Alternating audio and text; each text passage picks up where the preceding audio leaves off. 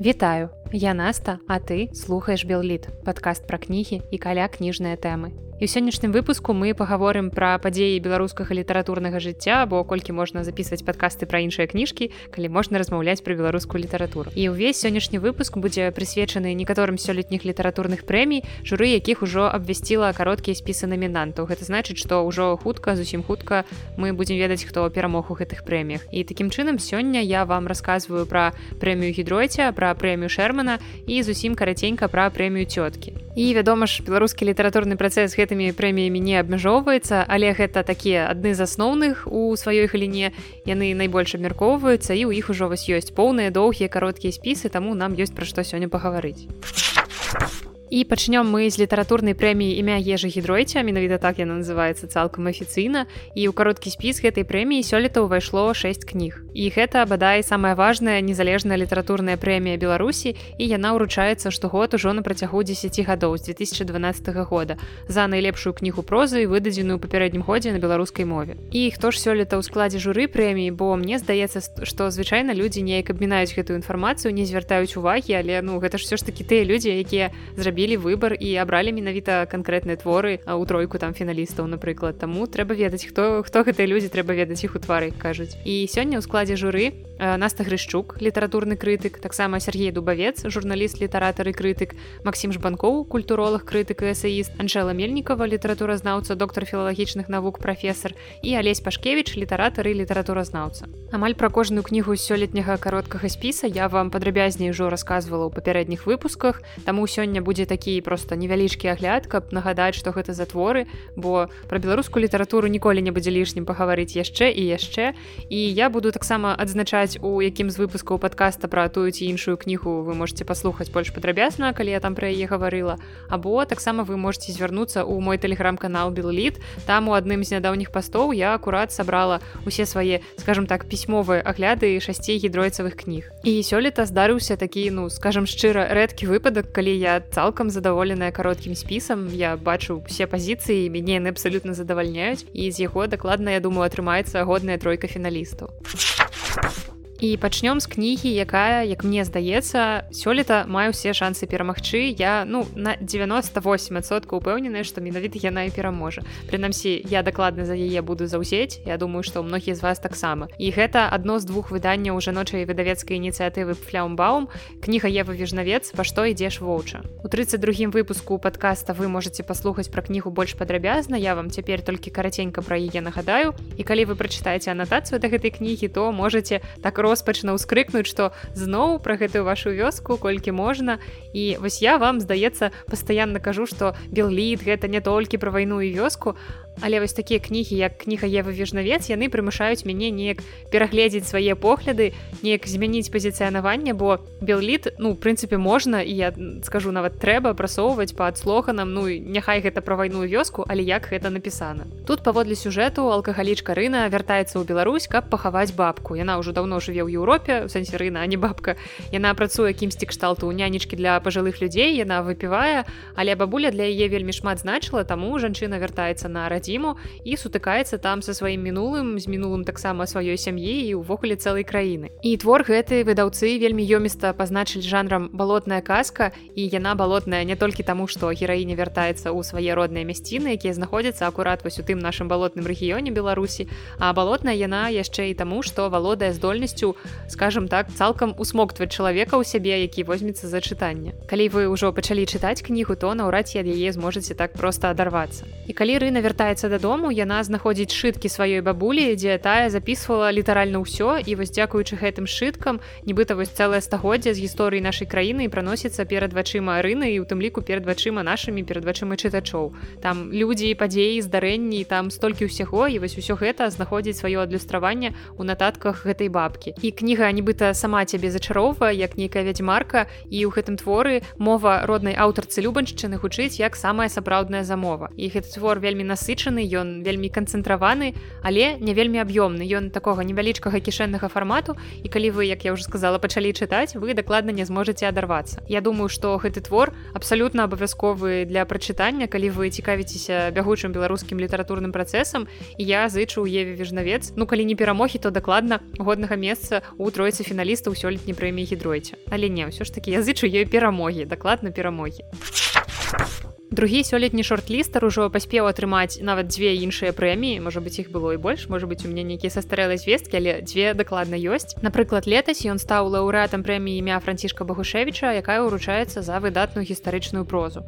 І таксама гэтая кніга стала кнігай года паводле экспертаў радыёвабода ў намінацыі дакументальная проза і я таксама ў гэтым галасаванні прымала ўдзел і паставіла гэтую кнігу на першае месца. І магчыма вы ўжо здагадаліся што я тут вяду да кнігі Сергея бламейкі каліноўскі і палітычнае нараджэнне беларусі. Кніга летась выйшла ў бібліятэцы радыёвабода Сергея бламейка ён доктор гістарычных навук журналіст радыёвабода і ён напісаў такую не вельмі аб'ёмную кнігу бо ён там чаму яна не вельмі аб'ёмна ён вельмі лаканічна расклаў па палічках разрозненыя факты. І атрымалася такое караценькае але вельмі змястоўнае гістарычна-філасофскае эсэ якое сягае за межы простай канстатацыі гістарычных фактаў. Ён не просто сабраў нейкі там гістарычныя тэзісы але ён менавіта асэнсаваў і пераасэнсаваў постаць і дзейнасць каліноўскага і ў гэтым творы ён даводзіць чаму чалавек гэты для нас такі важны і колькі ўсяго ён зрабіў. Ён па-новаму глядзіць на нараджэнне беларусі як краіны і прапануе дату 1 лютага 1863 году лічыць днём палітычнага нараджэння новай беларусі. Бо менавіта ў гэты дзень у вільні быў утвораны часовы правінцыйны ўрад літвы і беларусі на чале з кастусём каліноўс і трэба сказаць што кнігі ад радыё свабоды ўжо двойчы станавіліся лаўрэатамі прэміі гідройце гэта была кніга з метра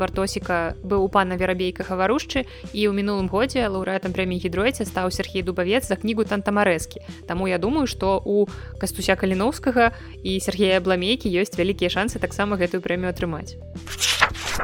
Трэцяя кніга з кароткага спіса бадай самая невыразная для мяне з шасці кніг і таму я пра яе нідзе не пісала калі яе прачытала я яе ў выпуске подкаста не ўключала таксама ў тэлеграме не згадвала і нават нягледзяч на тое што я ўвогуле вельмі люблю творчасць Сергея календы. Але вось гэтая канкрэтна кніга акварыум неяк прайшла міма мяне яна мяне засмуціла даволі дрэннай рэдактурай карэктурай і кніжачка там зусім танюткая і на такі аб'ём памылак на жаль было ну многавата скажем так. Таму больш падрабязна на ёй спыняцца я не вельмі хачу. Я раскажу караценька што ўвогуле ў апошніх кнігах Сергей календа мяне мяне радуе тым што ён даследуе такое цялеснае плоцевае і пачуццёвае ён не баіцца брудных слоў брудных сцэн і вельмі класна што ў беларускай літаратуры у сучаснай ёсць такія творы. І вось у акварыуме гэтага шмат там шмат думак пачуццяў юнакоў адносіны перажыванні маладзёнаў.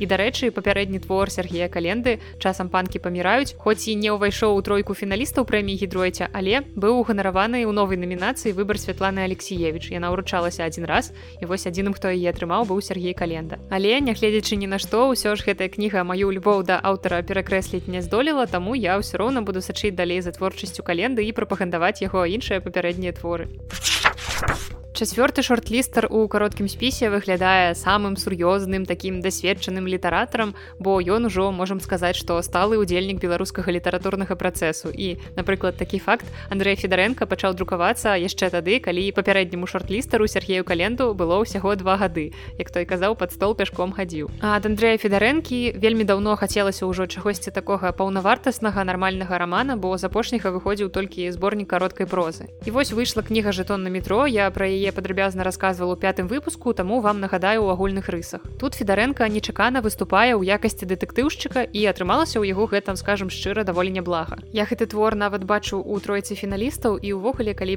прэмія гідройця ўрчалася як нобелеўская не за канкрэтны твор а ўвогуле за сукупнасць творчасці то Андрей федарэнка дакладна заслугоўвае такую прэмію. Галоўным героем гэтай крымінальнай гісторыі стаў амаль 50гадовы Віктор рак. Гэта яго творчы псеўданім ён паэт а таксама працуе ў рэдакцыі і ён даволі вядомы чалавек яго вершы нават школьнікі вывучаюць у школе. І хоча ён вось зараз звярнуцца ў сваёй творчасці да прозы.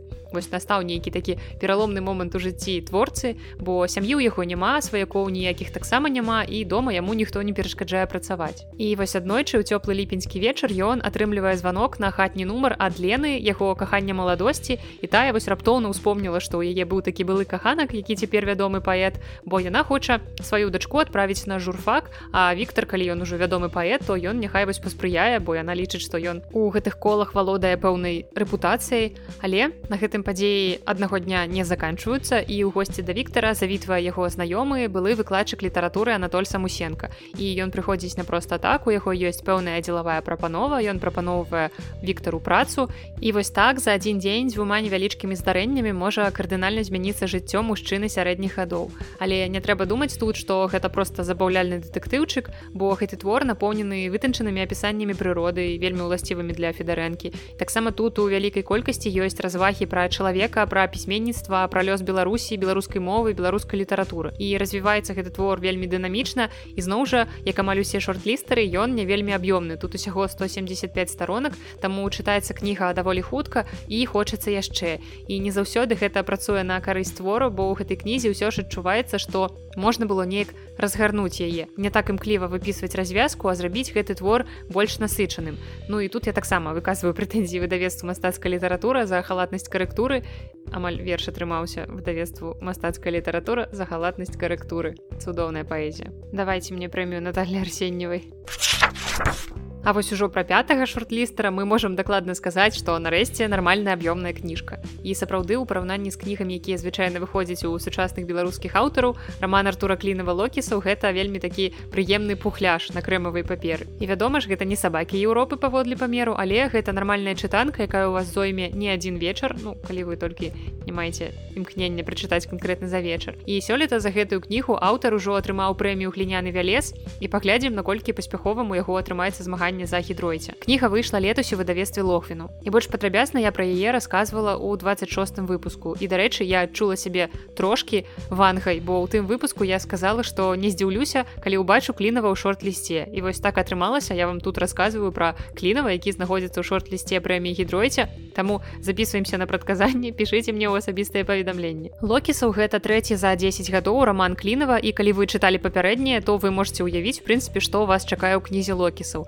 Там ёсць нацыянальны каларыт шмат добрага гумару і назва рамана яго змест адсылаюць да фантастычнай аповесці праспера мрм локіс назва якой паходзіць ад літоўскага локіс мядзведь і паводле клінава мядзведзі даўно жывуць на поўначы беларусі і гэта такія пярэвардні локісы людзі якія ператвараюцца ў мядзведзяў і вось туды на поўнач у невялічкі гарадок прыязджае антон локісу мастак са сталіцы ён вырашыў знайсці нейкі ціхі дамок пасяліцца там у правінцыі далей ад цывілізацыі. І са сваім прозвішчам усё ж таки ён набраў не лепшае месца дзе пасяліцца бо у тым неназваным гарадку ходзіць такая легенда мясцовая пра графа шэмета які быў тым самым локісам. А прадзед антона акурат меў такое ж прозвішча як і граф. Ён быў таксама шэмет Ну і мясцовая міліцыя адразу гэтым навічком зацікавілася бо яны лічаць яго нашчадкам тых самых локісаў хаця сам антон упэўнівае што гэта толькі супадзенне прозвішча але ніхто яму не верыць. І антон аказваецца ў пасцы бо мясцовы следчы яму забараняе пакідаць горад бо раптам у горадзе пачынаюцца загадкавыя забойствы знікненні і вядома ж усе падазраюць у гэтым локісава. А локісаў не спіць у шапку ён уздымае паўстання і тут далей без спойлеру але зусім хутка ў горадзе стане вельмі горача. І далей пачынаецца каларытная фантастычная гісторыя адной рэвалюцыі ў яркіх дэкарацыях беларускай правінцыі. Як я уже казала раней у сучаснай літаратуры можна пісаць пра вёску можна пісаць пра правінцыю але рабіць гэта або як ева вежнавец або як артур клінаў або яшчэ як але ўсё роўна таленавіта. Чытаецца кніга страшна актуальна хаця яна ўздымае не толькі сучасныя праблемы але і тыя што закраналіся нашай літаратуры яшчэ там стагоддзя таму напрыклад канцэпт двудуша а Не ўсім скажу я вам беларускім гарадам шанцуе мець свайго летапісца, які пакіне ўспамін пра яго ў літаратуры і гісторыі. А жыхары смаргоні і ваколец набылі бессмяротнасць у кнізе тані з карынкі на райцэнтр. Гэта наш апошні, але не па значнасці шорт-лістер і кніга выйшла летась дзякуючы жаночай выдавецкай ініцыятыве флямбаум, якую я ўжо згадвала раней у дачыненні да кнігі Ева вежнавец. Райцэнтр гэта зборнік эсэ аб'яднаных асобай аўтаркі і яе роднай смаргонню. З карынкі на занатоўвае эпізоды з жыцця горада, яго жыхароў, сваіх родных сваіх ці проста знаёмых суседзяў напрыклад як сяброўка і цёзка з карынкінай таня сустрэла мулявіна і яго не пазнала або як сціплы сусед дзядзя федзя працаваў далёкай аргентыне і ваяваў пад мадрыдам на арагонскім фронте. Або як суседка зінаіда сымонаўна атрымала кватэру ад самога івана шамякіна гісторыі на першы погляд маленькіх людзей з райцэнтра нечакана аказваюцца яркімі захапляльнымі а геаграфія кнігі выходзіць далёка за межы смаргоні і ўвогуле беларусі і вось толькі задумайцеся колькі такіх гісторый ад жыхароў іншых беларускіх гарадоў мястэчак вёсак просто сышлі ў нябыт бо ў іх не было суразмоўцы не было храніста які б даў ім голас у вечнасці як таня з карынкіна са сваімі вось гэтымі бясконцамі нататнікамі і дыктафоном і што самае важнае ў кнізе што гісторыі пісьменніца не пераказвае а дае слова іх непасрэдным удзельнікам каб мы чулі як гучыць непасрэдна смаргонь. З гумарам часам сумам але абавязкова сціплынёй як у любы горад але по-свойму гісторыі прыватныя ўпісваюцца ў кантэкст сусветны як дэталькі пазла. Значыцца вы два разы яго бачылі. Так а якуба коласа тры разы бачыла. А я ўжо збіралася сыходзіць. Вядомая справа засталася на лаўцы. Пра якуба коласа паслухаць? Гэта як паслухаць пра тое што нехта бачыў геракла напрыклад альбо нават самога зеўса Вось так выглядае шорт-ліст сёлетняй прэміі хідройця і ад самай важнай прэміі для беларускіх пісьменнікаў мы пераходзім да самай важнай прэміі для беларускіх перакладчыкаў. Прэмія імя Карласа Шермана для перакладчыкаў уручаецца з 2016 года за найлепшы пераклад мастацкай кнігі на беларускую мову. І дарэчы, у тридцатым выпуску падкаста вы можете паслухаць маю вялікую гутарку з леташнім лаўрэатам прэміі ў намінацыі пераклад дзіцячай кнігі Сергеем матыркам. Сёлета гэтая прэмія зноў уручаецца ў трох намінацыях гэта пераклад пераклад прозы пераклад паэзіі і пераклад дзіцячай кнігі і ў кожнай намінацыі па тры шорт-лістары і сёлета атрымалася даволі цікавая сітуацыя бо увесь шорт-ліст у намінацыі пераклад дзіцячай літаратуры занялі кнігі выдавецтва янушкевич. А ўвесь шорт-ліст у намінацыі пераклад паэзіі занялі кнігі выдавецтва з метра коласа А вось у намінацыі пераклад прозы кнігі гэтага выдавецтва паміж сабой спаборнічаюць. Таму вось такая сітуацыя ніякай інтрыгі. І ў журы прэміі шермана сёлета ўвайшлі вера бурлак пісьменніца перакладчыца кандыдат філала філалагічных навук. Ганна бутырчык выкладчыца літаратуразнаўца кандыдат філалагічных навук. Аксана дальнільчык паэтка перакладчыца літаратуразнаўца. І дзяніс кандакоў літаратуразнаўца перакладчык кандыдат філалагічных навук пачнём мы з перакладу прозы і першая шорт-лістарка гэта ольга гронская якая пераклала з нямецкай мовы роман тыль сучаснага нямецкага пісьменніка даніэля кельмана які дарэчы летась быў у кароткім спісе міжнароднай букі рускай прэміі. Ён там не перамог але дзякуючы перакладу ольгі тыль запомніўся беларускім чытачам. І кніга выйшла летась у выдавецтве янушкевич у германіі кніга тыль як і ўвогуле творчасць кельмана шалёна папулярная. І гэта даволі класна улічваючы што кельман яшчэ вельмі малады аўтар і роман тыль як можа быть некаторыя з вас здагадаліся з назвы расказвае нам гісторыю знакамітага героя сярэднявечных нямецкіх легенд тыля ўленшпіхеля і падрабязна пра гэтую кнігу я рассказывала ў чацвёртым выпуску подкаста. У гэтай кнізе кельман нам расказвае не класічную легенду пра гэтага персонажа ён по-свойму яе творча пераасэнсоўвае. Напрыклад ён перамяшчае тылі ў часе на некалькі стагоддзяў пазней у страшны для германії перыяд 30гадовай вайны. Калі краіна была спустошанай і вось праз яе вандруе тыль штукар вандроўны артыст і ён яшчэ ў дзяцінстве збег з дому і цяпер вось такі бацяга валацуга. Ён вандруе па краіне і выступае як перад беднымі так і перад багатымі перад асобамі скажем так з кіруючых кол Украіны. І раз мы гаворым пра прэмію для перакладчыкаў то тут все ж таки варта звярнуць увагу на мову твора і яркая адметнасць мовы персонажу ў гэтым рамане. Гэта тое што нягледзячы на стагоддзе яны гавораць сучасна. І перакладчыца падкрэслівала што кельман не меў на мэце архаізацыю мовы герояў пад адпаведнае 17 стагоддзя і таму чытаць гэтую кнігу даволі проста нават нягледзячы на такі даволі сур'ёзны гістарычны змест і вось у гэтым акурат заслуга перакладчыцы якая змагла гэта перадаць сродкамі беларускай мовы другая шорт-лістарка і дарэчы сёлета ў спісе мы бачым такую гендерную перавагу жанчын. Так вось другая шорт-лістарка са сваімі перакладамі ў кароткім спісе нам сустрэнецца двойчы.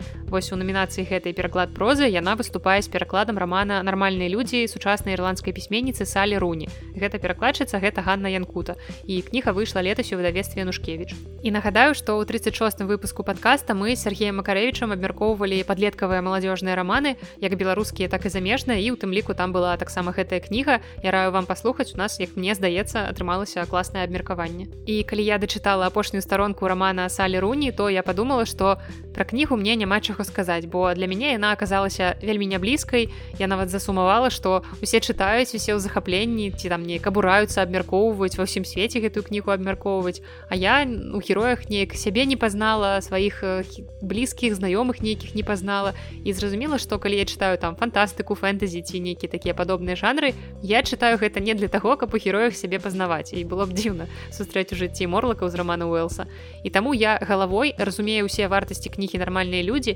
я разумею чаму яна такая папулярная але сэрцам я яе ну не прымаю. Яна мяне не кранула яна не пра мяне і яна не пра тое што мне было б цікава. Просто кнігі пра адносіны гэта ўвогуле не маё але тут аўтарка закранае вельмі важныя тэмы. Мы бачым аднакласнікаў конала і мэрыян яны з розных сацыяльных слаёў але гэта ім не перашкаджае камунікаваць і нават адчуць адзін да аднаго ўзаемную сімпатыю. І падзея адбываецца ў наш час але нават у наш час знаходзяцца нейкія такія забабоны бо маці конала прыбіраецца ў доме мэрыян таму публічнасць стасункаў гэтых двух юнакоў яна пад забаронай. Хаця здавалася б што ў наш час людзі ну таких класавых забабонаў мусіць быць пазбаўленымі Але коналы Мэрыян ўсё ж такі сустракаюцца, яны робяць гэта таемна і ў іх адносінах ёсць толькі пераважна фізічны аспект. Праўда, Мэрыян хочацца чагосьці большага, яна хоча, напрыклад, калі захочацца ёй гэтага ўзяць конала за руку ў школе, але баіцца гэта зрабіць. І яна нават сама коналу баіцца прызнацца ў гэтым, бо яна баіцца згубіць тое, што паміж імі ўжо ёсць. Хаця я не ведаю нічога такога асаблівага паміж імі не было, каб баяцца гэта згубіць, але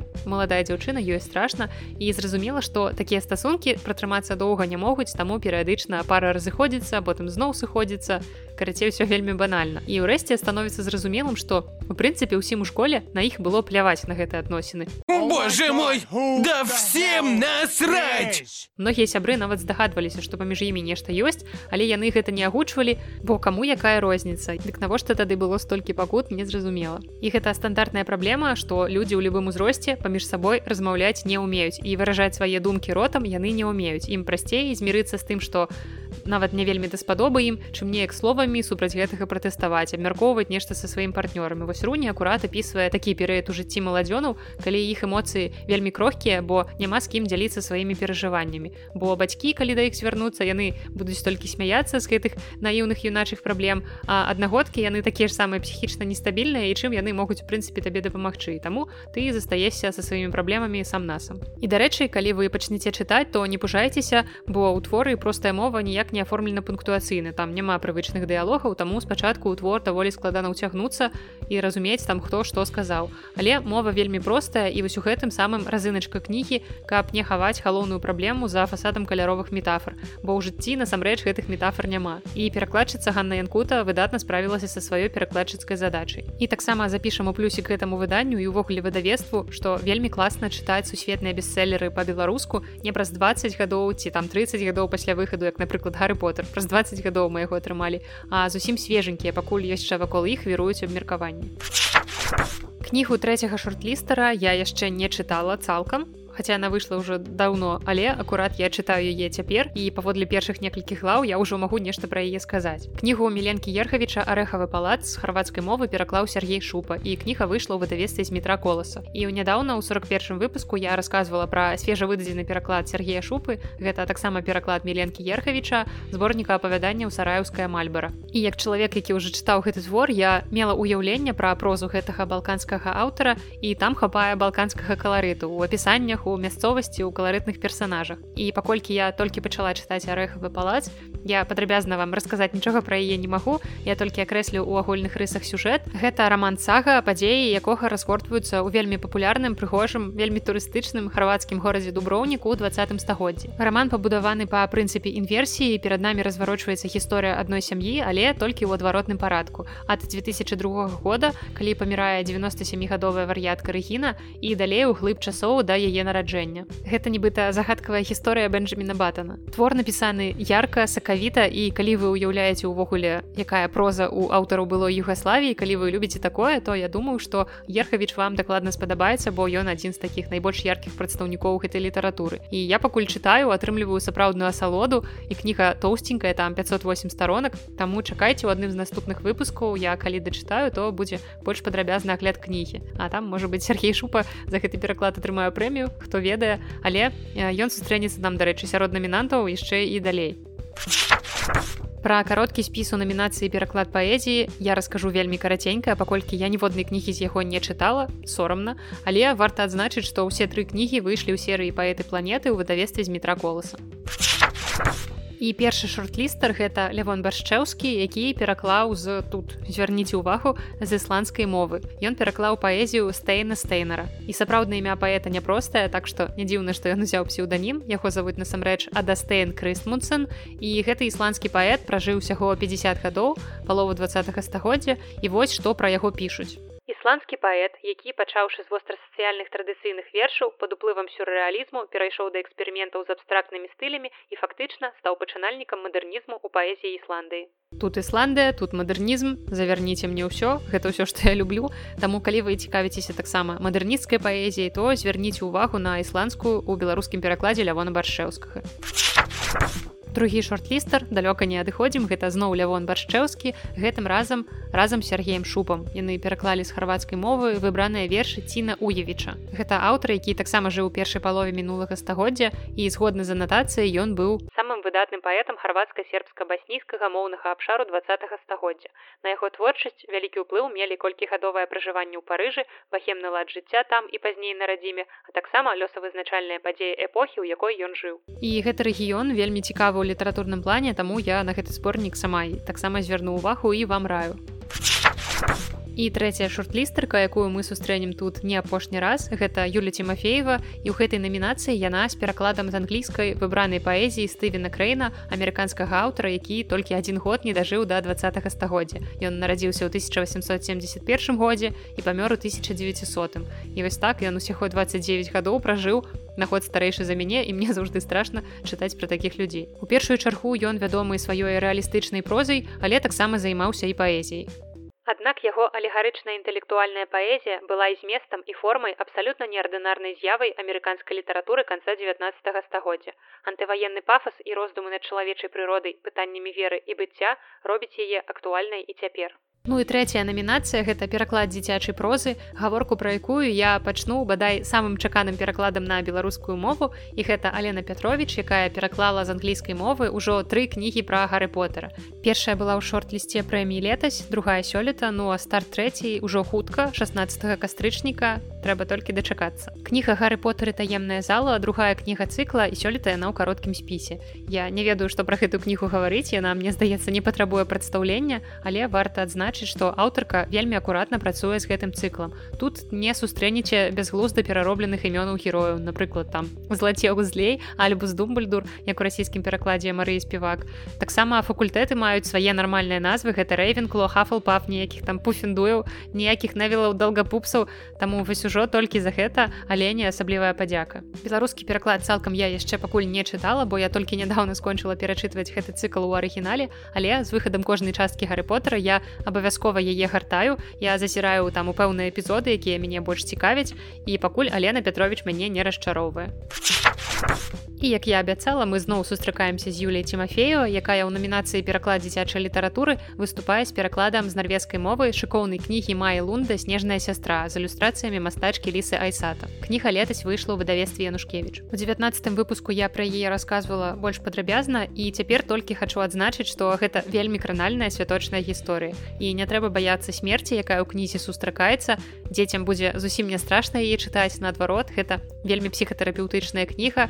І таксама будзе карысна яна і бацькам. І гэта гісторыя хлопчыка у якога памерла сястра і разам з сястрой нібыта нешта памерла ўнутры бацькоў. Яны ходзяць як сам нам былы іх нішто не можа парадаваць. І вось сын у іх жа ёсць ён жывы здаровы трэба жыць радавацца хаця б дзеля сына але яны гэтага не робяць. І хлопчык вырашае што трэба вярнуць святло ў іх дом тым больш што набліжаецца яго дзень народзінаў і таксама калядныя святы. І зразумела ён бярэ справу ў свае руки і апошняя шорт-лістарка гэта зноў Ганна Янкута гэтым разам з перакладам з польскай дзіцячай кнігі лапуховае поле катажыны рырых. І здаецца, што польская мова яна вельмі блізкая мова і што з гэтай мовы перакладаць вельмі проста, але насамрэч любы пераклад з любой мовы патрабуе уважлівай працы, якімі блізкароднаснымі гэтыя мовы не былі. Нават з рускай ці украінскай на беларускую ўсё роўна перакладаць даволі няпроста. Кніга лапуховае поле летась выйшла ў выдавестве Янушкевич і пра яе я рассказывала зусім нядаўна ў 43 выпуску і гэта незвычайная дзіцячая кніга падзеі якой разгортваюцца на адным падворку дзе гуляюць дзеці рознага ўзросту. Яны з розных сем'яў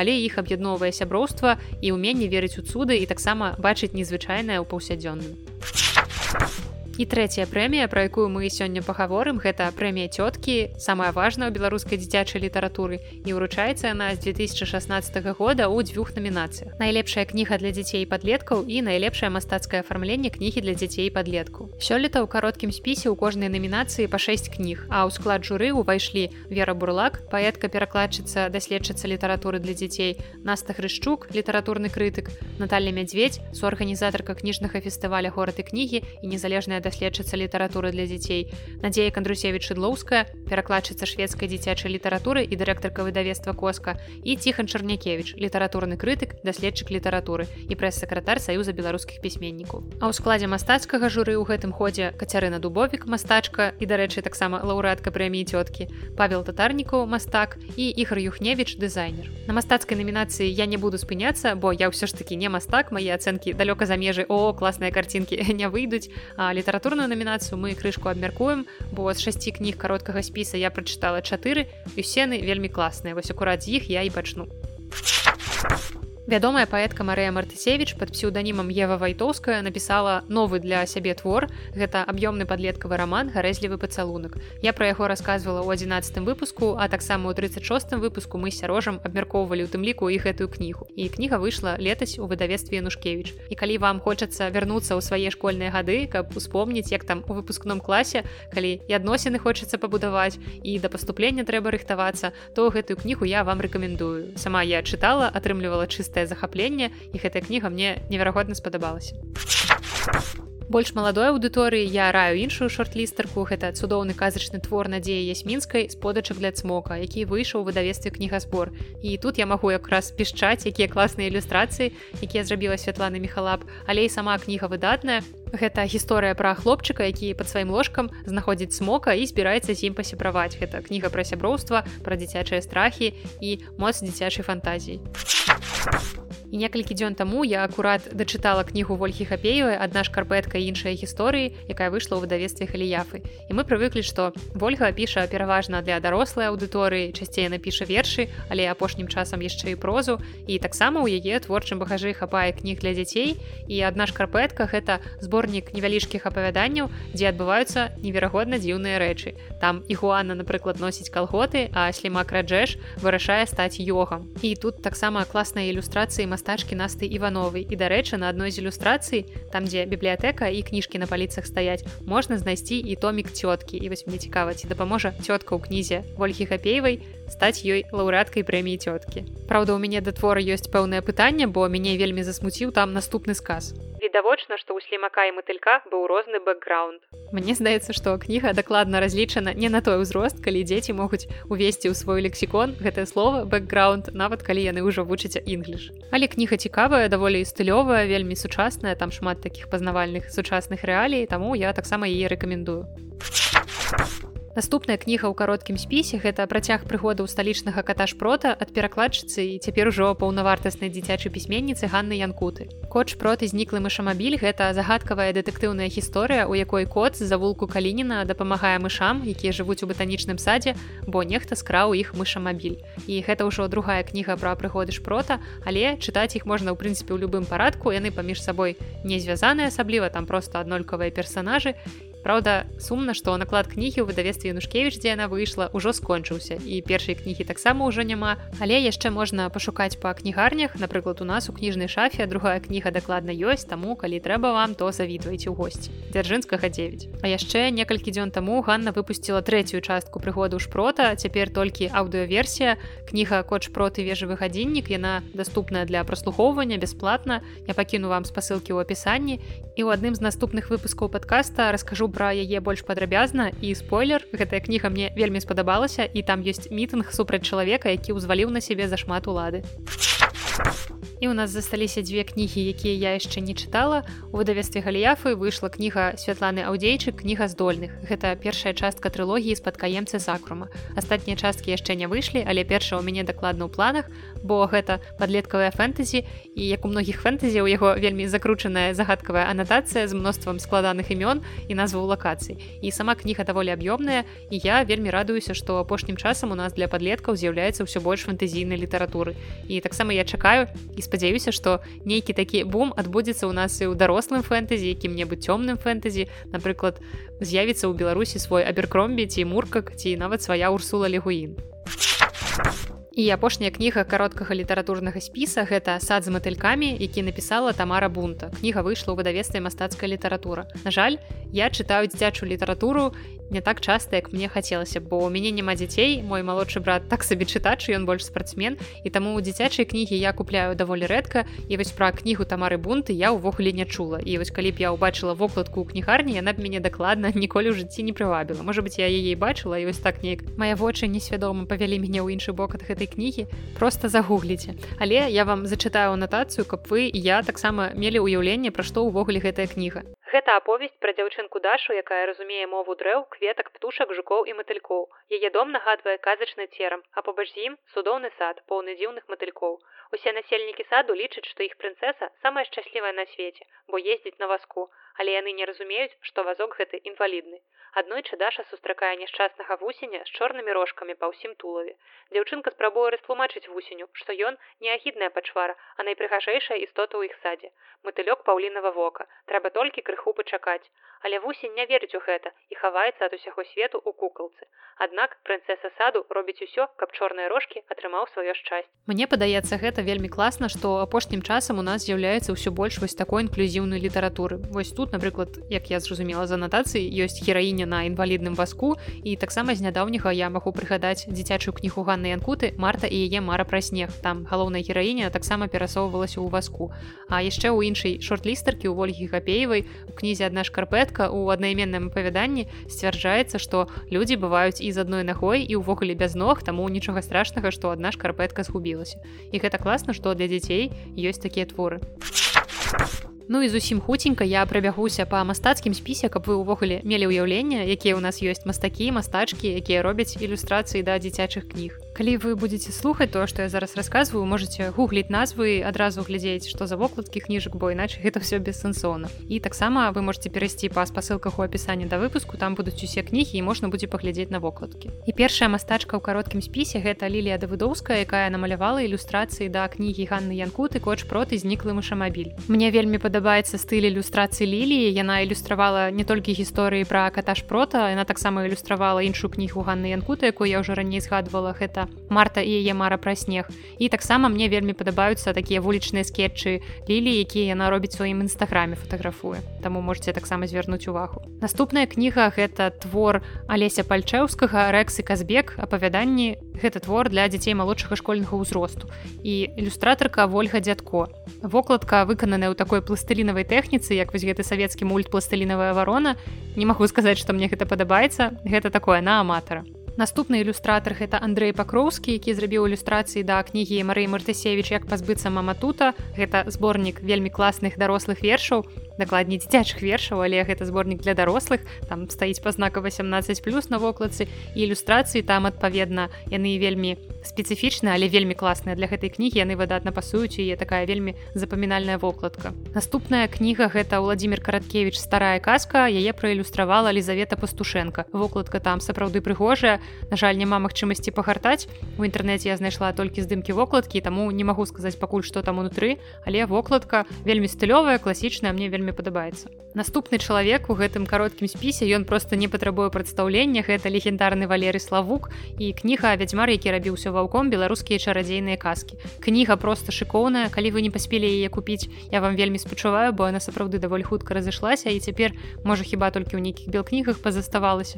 Але гэта просто супер кніга супер падарунак вам і вашим дзецям хаця кніжкі там э, дакладней казкі там зусім уже захаварваюся под канец выпуска казкі там такія даволі спецыфічныя даволі жорсткі але ну в прынцыпе трэба ведаць што многія класічныя казкі вядомыя нам яны мелі не заўжды такія пазітыўныя канцоўкі як мы ведаем цяпер там многае перароблівалася і таму а, ну не бойцеся чытаць такое. Але валеры славук гэта просто легенда беларускай графікі беларускай ілюстрацыі абавязкова трэба ведаць такіх людзей Ну і апошняя кніга ў кароткім спісе гэта кніга кірыла стаселькі якая называется пімкі і ілюстратарка стася сакалоўская здаецца стася афармляла ўсе кнігі кірыла стаселькі я толькі цяпер заўважыла што яе мяса гучная з ягоным прозвішчам стася і стаселька ілюстрацыі стасі мне заўжды падабаюцца яна робіць ілюстрацыі для дзяцей для дарослых і я вельмі люблю яе стыль. І тут кніжка атрымалася таксама вельмі стылёвая на невялікага фармату цвёрдай вокладцы вельмі класныя ілюстрацыі я не ведаю як там наконт зместу чытаць я кнігу гэтую не планую але выглядае яна вельмі здорова Я спадзяюся, што пасля сённяшняга выпуску ваш спіс, што цікавага пачытаць белліту, павялічыўся на мноства пазіцый, просто інакш навошта я гэта ўсё тады тут раблю. І звычайна, калі людзі ў мяне запытваюць, што можна цікавае пачытаць сучаснай беларускай літаратуры, я іх накіроўваю да спіса, напрыклад, той жа прэміі гідройца, таму што гэта такі вельмі класны паказальнік твору, які ў нас у прынцыпе ёсць. І няхай тройка фіналістаў таго ж гідройця бывае такой даволі спрэчнай, але ў доўгім спісе, у кароткім спісе, я думаю, што вы дакладна знойдзеце тыя творы, якія вам вам будуць цікавыя якія класна адлюстроўваюць бягучы літаратурны працэс. Таму расказвайце у каментарыях што вы цікавага з гэтых спісаў вынеслі і што дадалі сабе ў спіс на бліжэйшае прачытанне. А на сёння гэта ўсё. З вами была наста і падкаст белліт да сустрэчы